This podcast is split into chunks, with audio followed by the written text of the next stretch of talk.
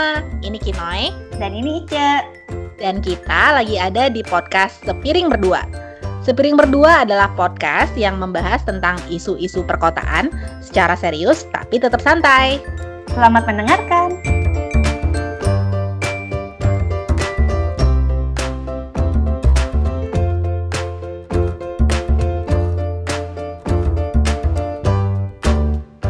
Oke teman-teman, balik lagi dalam episode tentang perpustakaan umum. Kalau bagian kedua kali ini kita pengen cerita sedikit tentang pengalaman kita memakai perpustakaan umum di luar negeri nih. Ya jadi kalau pengalaman gue di luar negeri paling di Jepang pas lagi kuliah dulu. Gue di Kyoto tahun pertama yang pas gue masih research student itu kan belum masuk lab banget ya sebenarnya. Jadi gue masih belum merasa 100% nyaman gitu di lab, nongkrong di lab. Jadi gue nongkrongnya untuk belajar-belajar nyiapin ujian masuk eh, S2 itu di perpustakaan pusat. Perpustakaan pusat kampus lu ya, bukan perpustakaan daerah gitu kan? Mm, kampus gue yang di kota gitu. Itu tuh bisa jadi tempat belajar, tempat eh, baca-baca doang, tempat tidur. Jadi ada sectionnya kalau misalnya tempat yang buat hangout eh, boleh berisik, tapi kalau yang eh, sepi ya sepi gitu. Diuji, eh, kayaknya gue udah jarang banget ke perpus karena jadi labnya tuh eh, ada koleksi bukunya tersendiri gitu, sangat spesifik untuk bidang tertentu itu gitu. Tapi kalau lab kan kita bisa 24 jam. Jadi Iya sih. Eh, setelah masuk kuliah eh, kayaknya lebih banyak nongkrong di lab sih daripada di perpustakaan. Iya sih. Oh ya, dan teman-teman eh, yang ngedengerin itu kalau ngebayangin lab itu bukan laboratorium yang penuh dengan peralatan-peralatan eksperimen gitu ya. Buat Kalau- kami, Iya tempatnya bukan. lab itu kayak tempat mengumpul orang-orang yang bidangnya serupa, terus kita setiap bulan bisa ngadain seminar kayak gitu-gitu. Tapi kesan gue kalau masuk perpus atau mencari perpustakaan di di Jepang itu adalah kalau ngelihat perpustakaannya udah penuh dengan buku bahasa Inggris itu gue langsung bahagia. Bahkan meskipun bidangnya tuh beda gitu ya. Tapi kalau Iya. udah ngeliat alfabet gitu, alhamdulillah. Iya, bener banget, Nay, bener banget. Apa pun gue baca deh, yang Apa pun gue baca tulisannya nggak meringkal-meringkal. Iya, kalau kampus gue sama sih eh, sama lu kayaknya ya eh, perpustakaan yang utamanya itu lebih besar dan lebih banyak koleksi bahasa Inggris. Em, sementara di kampus gue yang eh, di daerah suburban itu lebih sedikit koleksinya di dalam perpustakaannya. Cuman gue memang suka memakai perpustakaan itu sebagai tempat belajar. Bisa dibilang mungkin di tahun terakhir gue kuliah di sana, kayaknya gue antara perpus sama lab itu mungkin 50-50 deh. Jadi gue di situ sampai malam sampai jam 9. Nanti kalau misalnya udah lewat jam 9, ya udah pindah ke lab. Soalnya lab gue itu penuh gitu loh. Maksudnya banyak orang, terus Terus nggak konsen ya? suka nggak konsen, suka nggak konsen, terus gue agak-agak merasa terintimidasi sama teman-teman gue yang kayaknya depan komputer gitu. Terus gue tuh yang, aduh gue udah kehabisan ide. Terus eh, satu lagi fungsi perpustakaan di Jepang buat gue adalah eh, mencari AC dan heater gratis. Sama banget. Itu penting banget ya ternyata di negara empat musim. Eh, maksudnya di negara empat musim terus nggak punya duit banyak buat bayar listrik. Bener. Jadi gue tuh tiap musim panas dan musim dingin yang udah peaknya gitu tuh pasti ngungsi kalau nggak ke perpus, em, ke lab tuh kalau di kampus. Kalau buat gue ya. Tapi gue satu lagi yang gue suka datengin itu adalah perpustakaannya kampus lain yang banyak jurusan bahasa Inggrisnya. Nah, yang salah satu yang paling utama, eh bukan paling utama, paling eh, besar dan menarik buat gue itu adalah UN University. Universitas Ah, lo beruntung banget. Iya, itu tuh aduh surga deh. Enak gitu perpustakaan, cuman emang nggak bisa dipinjem ya. Terus di Jepang juga gue baru menyadari bahwa oh ternyata bisa ya minjem buku antar perpustakaan. Norak banget sih. Oh, gitu. Iya kan di Indonesia kan nggak ada konsep itu, Bo. Nggak ada tuh kita nggak tahu. Gue nggak tahu sih. Ih, Zaman kuliah coba, lu Eh, Zaman kuliah nggak ada sih. nggak ada kan? Nggak ada. Jadi pas waktu nyampe di Jepang tuh gue baru tahu, oh ternyata gue bisa ya kayak minjem perpustakaan ono tapi gue nggak harus ke sana di ke perpustakaan kampus gue aja terus gue search ternyata ada sistem nasional yang bisa ngebuk buku dari kampus kita terus nanti dia datang gitu dari kampus lain itu gue baru tahu gila norak banget ya sih gue selain Jepang apa lagi cek kalau gue sih pas waktu itu jalan di Den Haag karena Den Haag itu sebenarnya kan kecil juga ya hmm. dan gue cari-cari eh ternyata si Central Library-nya itu sangat di sentral gitu dia tuh hmm. hanya butuh berapa menit jalan dari Central Stationnya. Dan haknya itu kan kecil juga sih ya. Kalau untuk kota yang sekecil itu dengan Central Library yang sebesar itu, gue, gue jadi membayangkan bahwa si kota itu tuh pasti orang-orangnya tuh pada suka membaca gitu. Atau mungkin si pemerintahannya sangat mendukung untuk itu. Jadi Central Library-nya itu 5 atau 6 lantai. Terus dia uh, ditempelin sama Tourist Information Center. Jadi sangat sentral sekali deh gitu. Itu yang itu yang gue suka dan kalau di websitenya dulu gue ngecek uh, dia mempromosikan kalau kamu ada di kota Den Haag, uh, ini loh tempat yang paling murah atau bahkan gratisan kan untuk hmm. uh, bisa duduk dan mendapatkan wifi gitu. Jadi just bring your laptop gitu terus udah oh, gitu. gitu. Nah, menurut gue wah berarti uh, mereka memang sangat terbuka gitu untuk uh, siapa aja datang ke situ. Banyak yang belajar nggak sih di sana maksudnya? Banyak, banyak, banyak, ya? banyak. Banyak uh, kerusakannya menurut gue cukup rame ya. Maksudnya hmm. banyak orang yang datang gitu, baik di section yang membaca, di yang diskusi, hmm. ngobrol gitu. Itu cukup rame sih kalau menurut gue buat kota sekecil itu ya. Ya gue gue sih berharap di kota-kota kita juga maksudnya yang kecil-kecil juga kayak gitu gitu. Jadi iya ya. Ke stasiun lu tinggal jalan aja terus lu udah bisa nemuin central library-nya yang nyaman hmm. dan lo bebas gitu untuk masuk. Iya ya. Jadi perpustakaan itu sebagai salah satu ya itu ruang publik ya. Mm -hmm. Itu ruang publik banget sangat terbuka banget lu mau cuman duduk-duduk di situ juga orang tuh nggak akan ada yang care gitu kayaknya. Iya iya iya. Yang gue penasaran maksudnya kenapa gue kepingin cek si library-nya juga adalah dia punya koleksi tentang Indonesia nggak ya? Oh iya. Ada nggak? Ada ada. Ada dan lumayan banyak. Gue kalau misalnya pas lagi jalan-jalan gitu ke mana ya? Oh waktu itu ke ini gue ke Seattle project dari lab terus kita ke sana terus teman gue ngajakin gitu.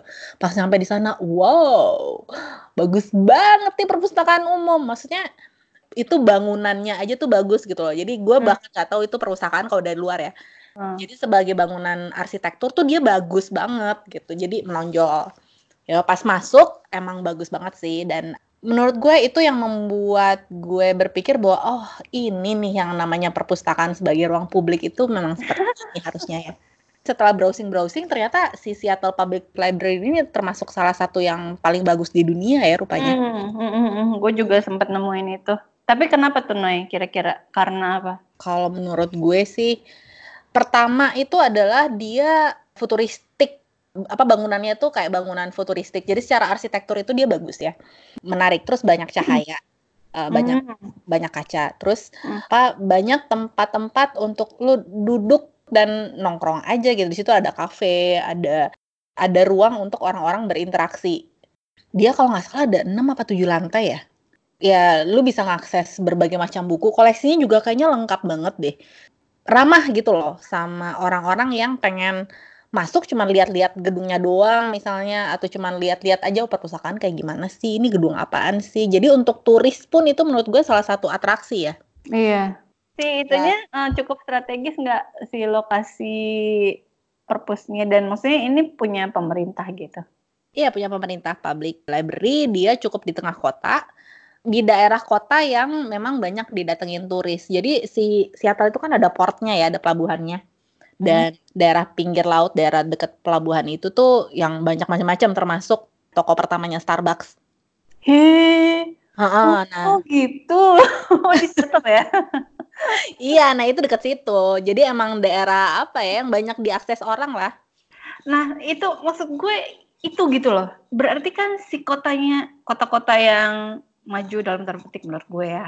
Hmm. Itu dia maksudnya dia dia menganggap library itu sebagai sesuatu yang penting bisa jadi eh, atraksi untuk yang orang luar terus udah gitu juga bisa jadi pusat kebudayaan mm -mm. dan mereka menempatkan itu di tempat-tempat yang rame gitu bukan yang bukan di Soekarno Hatta gitu kalau di Bandung ya. Iya maksudnya uh, di mana ya uh, lahan yang tersisa? Oh di sini. Gitu gitu kesannya kan.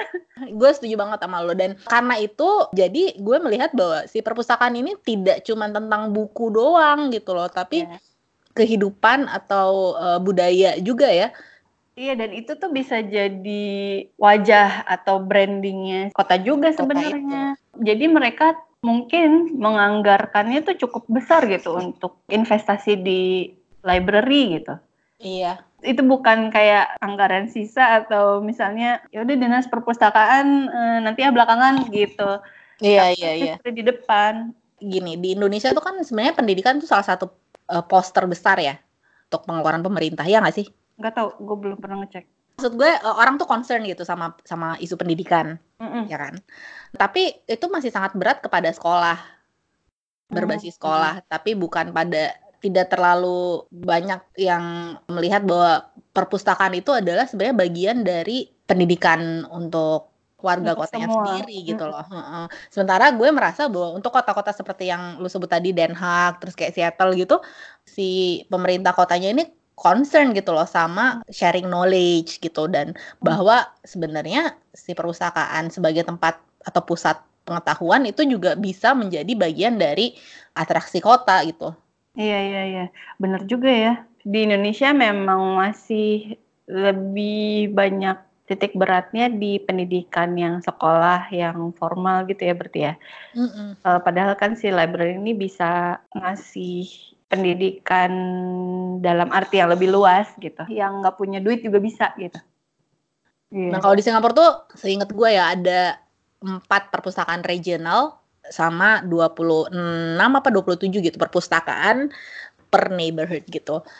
Semuanya juga pemerintah, cuman kalau yang regional itu dia lebih besar dan dia semacam hub gitu ya. Mm. Jadi ada uh, program yang adanya hanya di perpustakaan regional. Terus Singapura ini dia ada beberapa ikon si neighborhood itu. Jadi secara arsitektur dia bagus, secara desain dia bagus, terus kayak mungkin dia ramah lingkungan, jadi hijau gitu. Yang deket rumah gue ini ada dua nih, yang satu baru direnovasi dan aduh bahagia banget deh di dalam situ.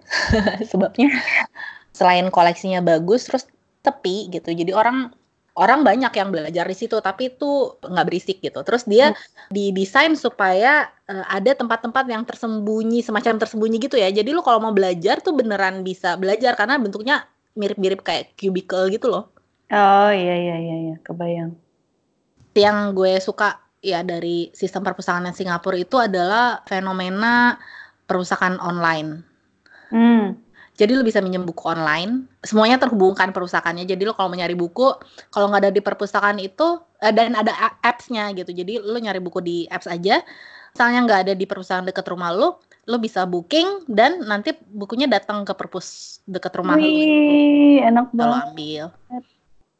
Kalau orang-orang kayak gue gitu, gue tidak tinggal di neighborhood di salah satu 26 itu Terus gue masuk ke public library itu ngerasa aneh apa enggak? Maksudnya kan kalau misalnya kayak di sini gue tiba-tiba datang ke taman bacaan di kelurahan mana gitu. Kan kayaknya gue bakal diliatin gitu. Iya sih. Ini oh, bukan orang sini kok ke sini? Siapa ya gitu. Uh, enggak sih ce. Kemarin tuh gue punya misi ini gue harus ngedatengin semua perpustakaan di Singapura gitu kan. Terus gue hmm. uh, datang ke sebuah perpustakaan. Terus yang kayak aduh gue aduh takut takut ini nih takut dilihat sebagai orang asing gitu kan. Karena hmm. gue gak pernah ke sini gue nggak tahu ini lantainya di mana aja gue nggak tahu. Kalau gue lihat-lihat doang gitu bakal didatengin gak ya ditanya-tanya ya? Tapi ya kan kadang-kadang takut gitu kan. Itu parnonya orang Indonesia kayaknya ya soalnya bisa didatengin orang. Iya kenapa bu? Ada yang bisa dibantu. Iya gue paling sebel kok kayak gitu. Iya tapi enggak kok. Semua orang juga ya bodoh amat. Kecuali kalau emang lu kelihatan kayak bingung banget gitu hmm baru ada yang kenapa ada yang bisa bantu gitu tapi biasa aja gitu nggak kayak mau ngapain lu ke sini ada nggak sih si library yang uh, independen gitu maksudnya yang bukan bukan dikelola oleh pemerintah. Kayaknya enggak ya. Maksudnya kalaupun dia bukan dari pemerintah tapi dia afiliasi sama kampus. Jadi dia perpustakaan kampus Oh, atau iya. institusi tertentu. Mm-mm. Um, dan itu juga ya dari pemerintah lah ya. Atau Singapura apa sih yang nggak pemerintah? Ngomong-ngomong aksesibel, berapa aksesibel buat uh, misalnya yang penyandang disabilitas gitu, Nay? Sangat ya kalau menurut gue. Karena seingat gue nih yang di perpustakaan nasional ada koleksi yang buat teman-teman yang tunanetra misalnya. Jadi koleksi braille. Terus kalau dari sisi uh, infrastrukturnya sendiri ya, maksudnya kayak uh, Bangunannya. fisik, heeh, itu mah di mana-mana di Singapura juga menurut gua udah bagus ya. Eh, apalagi untuk tempat-tempat umum seperti museum, terus perpustakaan, perpustakaan gitu itu semuanya pasti bisa. Di sini mobilitas orang-orang yang berkebutuhan khusus itu sudah sangat baik. Walaupun menurut mereka masih kurang, masih banyak yang perlu diimprove ya, di, diperbaiki gitu. Tapi menurut gue lumayan lah ya. Ya kalau dibandingin di kita gitu ya. Heeh, betul. Kalau ke mana-mana bisa sendiri. Misalnya pakai kursi roda ke mana-mana bisa sendiri. Kalau misalnya mau ke perpus bisa sendiri gitu tanpa tanpa bantuan orang lain juga bisa naik ke lantai berapa. Terus udah gitu misalnya yang tunanetra juga mau naik lift juga misalnya udah ada braille-nya itu. Terus misalnya kayak koleksi audiobook juga udah banyak, banyak. sini. Satu lagi sebenarnya yang menarik itu adalah karena perpustakaan umum di sini seperti halnya di eh, Seattle yang tadi gue cerita itu, itu mereka punya banyak program. Hmm. Programnya itu bisa eh, macam-macam lagi, nggak cuman khusus, nggak cuman buat anak-anak, tapi juga buat remaja, buat teman-teman yang eh, punya disabilitas eh, Hmm. atau misalnya untuk orang tua gitu yang senior apa elderly gitu kan. Di sini tuh ada eh, literary box apa serangga. Jadi kayak kalau misalnya minjem buku atau apa gitu, pokoknya lo bisa bisa dapet kayak stiker-stiker serangga gitu loh. Kalau misalnya lo udah ngumpulin semua, lo dapat apa gitu. Oh. Anak-anak nih ya, untuk untuk mendorong mereka untuk membaca dan meminjam buku. Eh, untuk orang tua itu misalnya coding atau programming itu itu juga kadang-kadang ada gitu loh di di perpustakaan. Coding for senior citizens. Iya, semacam itu. Wah, keren banget canggih. Iya kan? Mungkin eh, satu kurangnya itu kalau menurut gue ya adalah karena si perpustakaan di Singapura itu pada umumnya nggak punya space khusus untuk public events. Jadi kalau Oh. misalnya mau ada program itu tuh entah sebuah ruangan khusus dipakai untuk itu Mm-mm. atau dia pakai daerah atau tempat lain. Jadi misalnya kayak di community club gitu, tapi yang mengorganize programnya adalah perpustakaan Oh, gitu.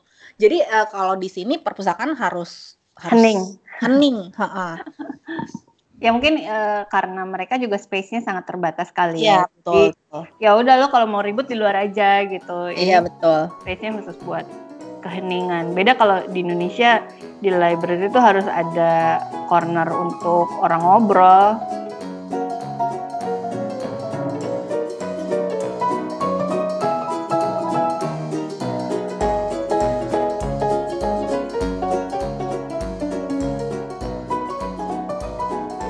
Kita balik lagi dalam membahas perpustakaan umum di negara lain.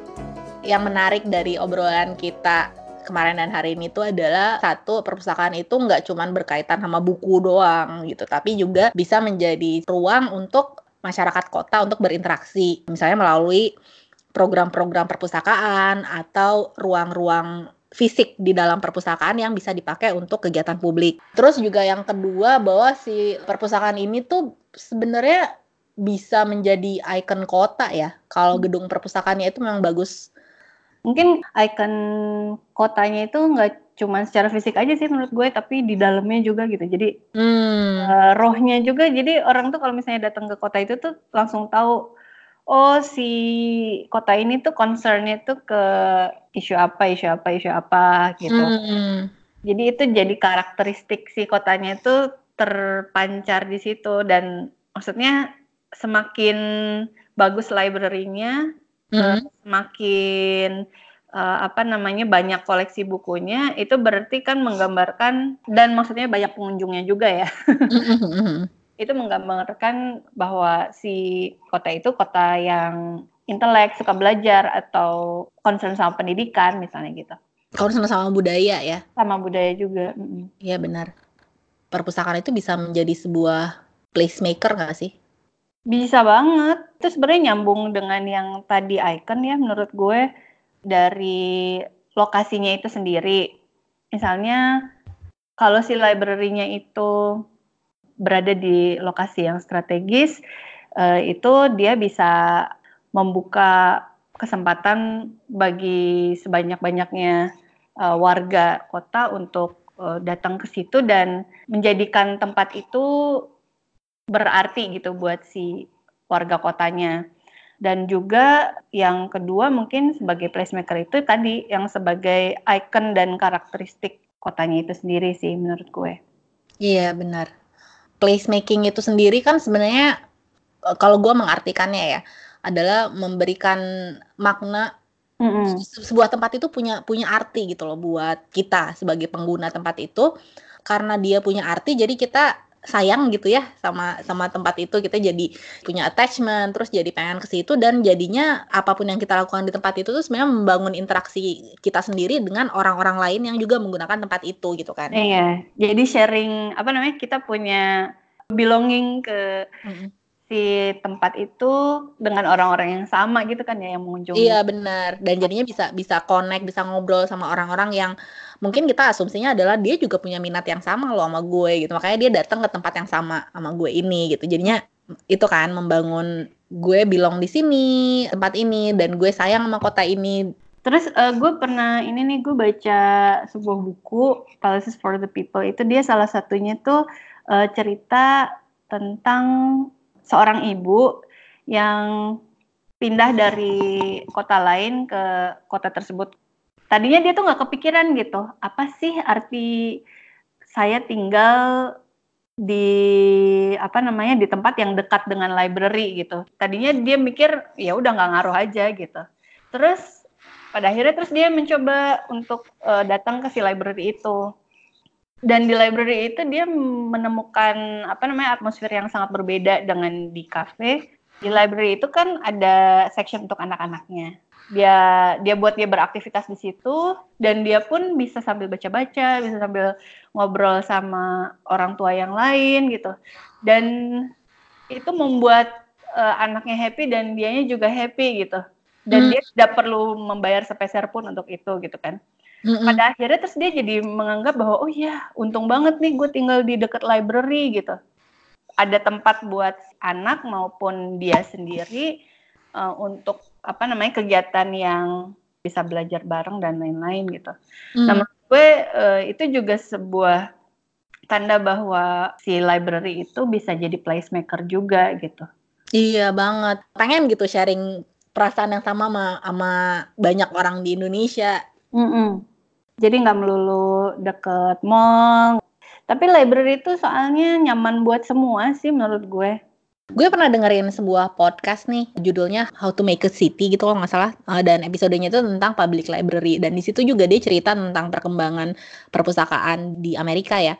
Ada bagian di mana dia cerita tentang beberapa perpustakaan itu sudah mulai terlibat dengan pemerintah kota melakukan program-program terkait dengan ekonomi, revitalisasi ekonomi gitu. Hmm. Jadi ada beberapa insentif-insentif untuk warga masyarakat kelas bawah uh, uh, yang disalurkannya itu melalui kerjasama dengan perpustakaan umum gitu. Jadi mendorong orang-orang itu untuk datang ke perpustakaan. Kalau lu datang ke perpustakaan, misalnya, oh lu bisa mengakses uh, ini nih tempat penitipan anak yang gratis. Uh, sementara hmm. elunya sendiri bisa belajar ikutan course uh, apa gitu yang sudah disubsidi pemerintah. Jadi skill lu bisa nambah gitu. Cocok kan, banget.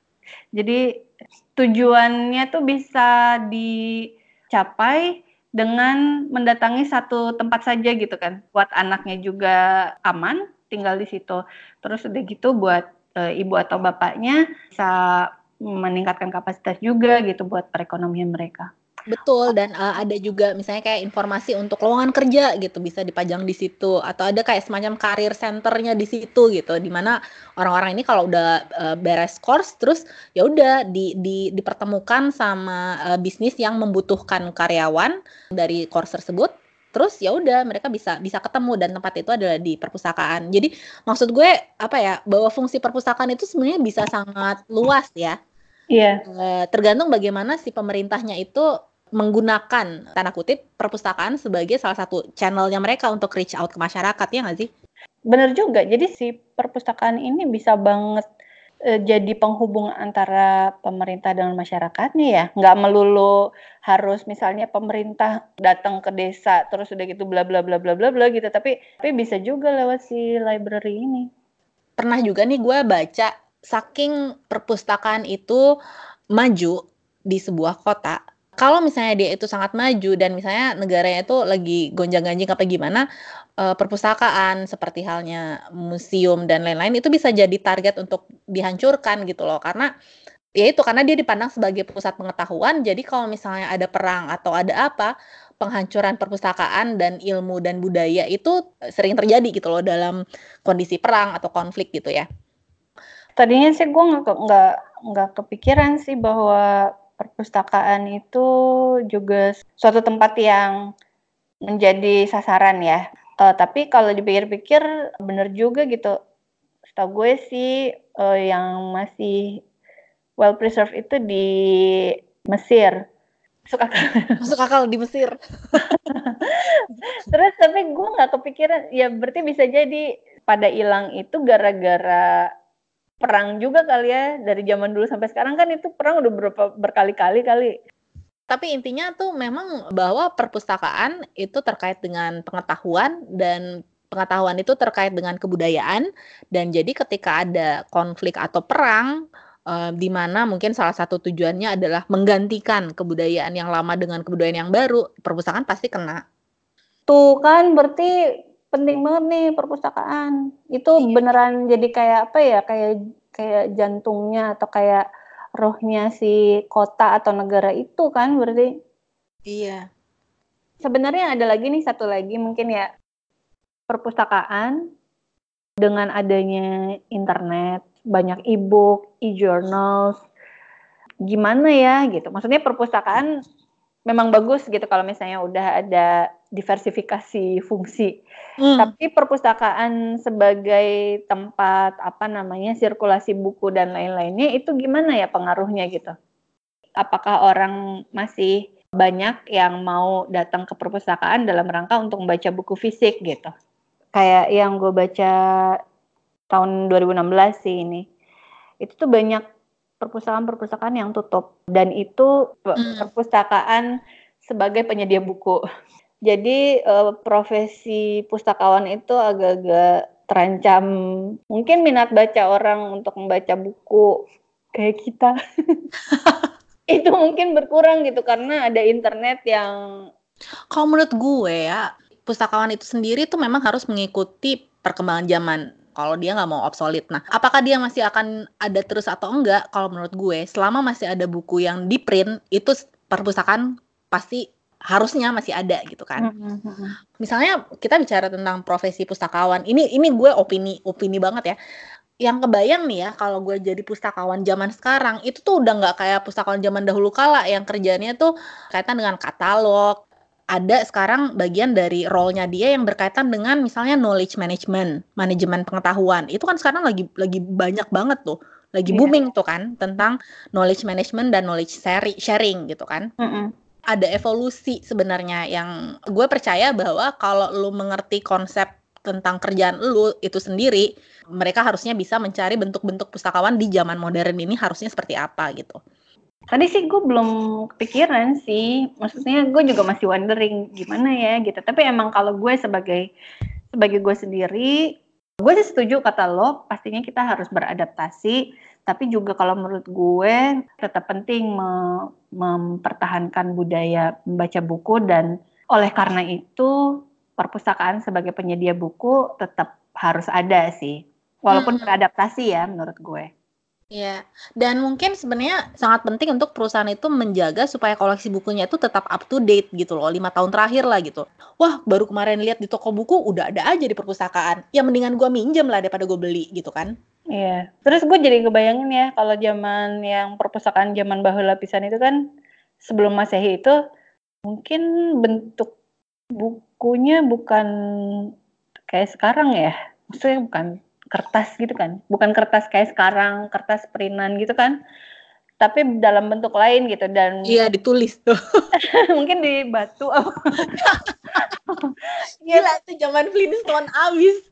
Berarti mungkin bentuk perpustakaannya konsep perpustakaannya juga berbeda dengan konsep perpustakaan yang ada iya benar sekarang dengan buku-buku jadi mungkin ke depannya juga bakal sama gitu kali ya ber, apa beradaptasinya itu ya mungkin karena sekarang banyak yang digital bisa jadi nanti di masa depan itu banyak layar-layar gitu yang uh, bisa dipakai oleh banyak orang gitu. Kalau sekarang kan di perpustakaan. Oh, iya, gue ngerti maksud lo. Iya, iya, iya. Ya. Gue cuma berandai-andai sih. Iya, iya, iya. Eh, gue jadi inget nih, soalnya ada satu tempat di Singapura yang uh, menurut gue cukup menarik nih uh, maksudnya nggak sama persis sih hmm. itu namanya National Archive of Singapore jadi dia hmm. tempat untuk nyimpan berbagai archive archive budaya misalnya berita atau apa pun lah yang ah. bentuknya itu audio file yeah. itu lu bisa ngakses di situ gitu tapi kan ini untuk archive ya yang lu ya, bicarakan sama, sama sama juga sih menurut gue hmm. gue juga ngebayanginnya mungkin bisa jadi kan di masa depan memang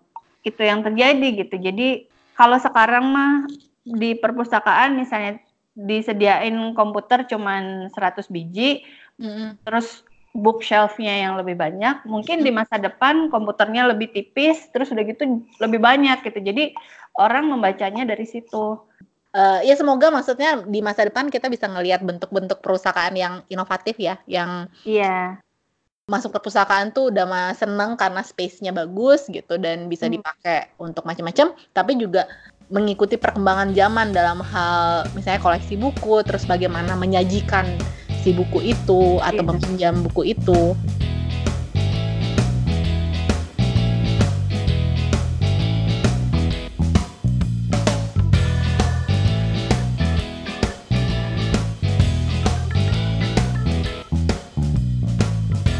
Baik teman-teman, itu tadi uh, pembahasan kami, gue dan Ice tentang perpustakaan umum.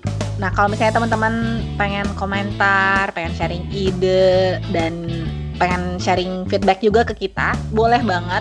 Silahkan kirim email atau rekaman suara teman-teman ke email kita podcast.spiringberdua at gmail.com. Sekali lagi, podcast.spiringberdua at gmail.com. Sampai jumpa!